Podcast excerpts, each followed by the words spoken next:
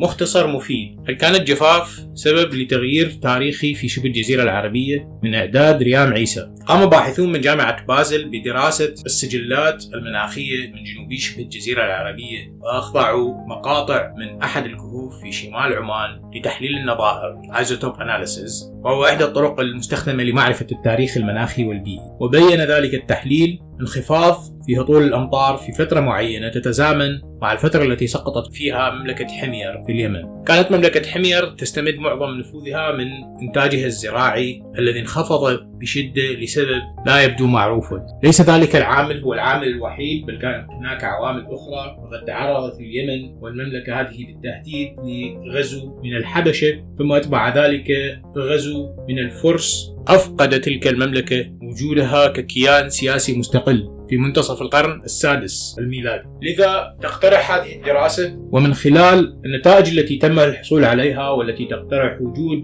انخفاض في معدلات هطول الأمطار أن الجفاف الشديد كان عامل لا يمكن تجاهله في الفترة بين 500 إلى 530 ميلادية والذي أدى إلى أضعاف المملكة وسقوطها وإلى إحداث تغييرات داخلية وخارجية ودينية غيرت وجه المنطقة. إن ضعف مملكة حمير زاد من قوة منافساتها من الإمبراطوريات كالإمبراطورية البيزنطية والساسانية وأكسب مكة نفوذا أكبر في وسط وجنوب شبه الجزيرة العربية. ويعتقد الباحثون أيضا أن ما حدث هناك له صلة. بالعديد من الحركات السياسية والدينية الجديدة التي ظهرت بما في ذلك الدين الإسلامي. شكرا لكم.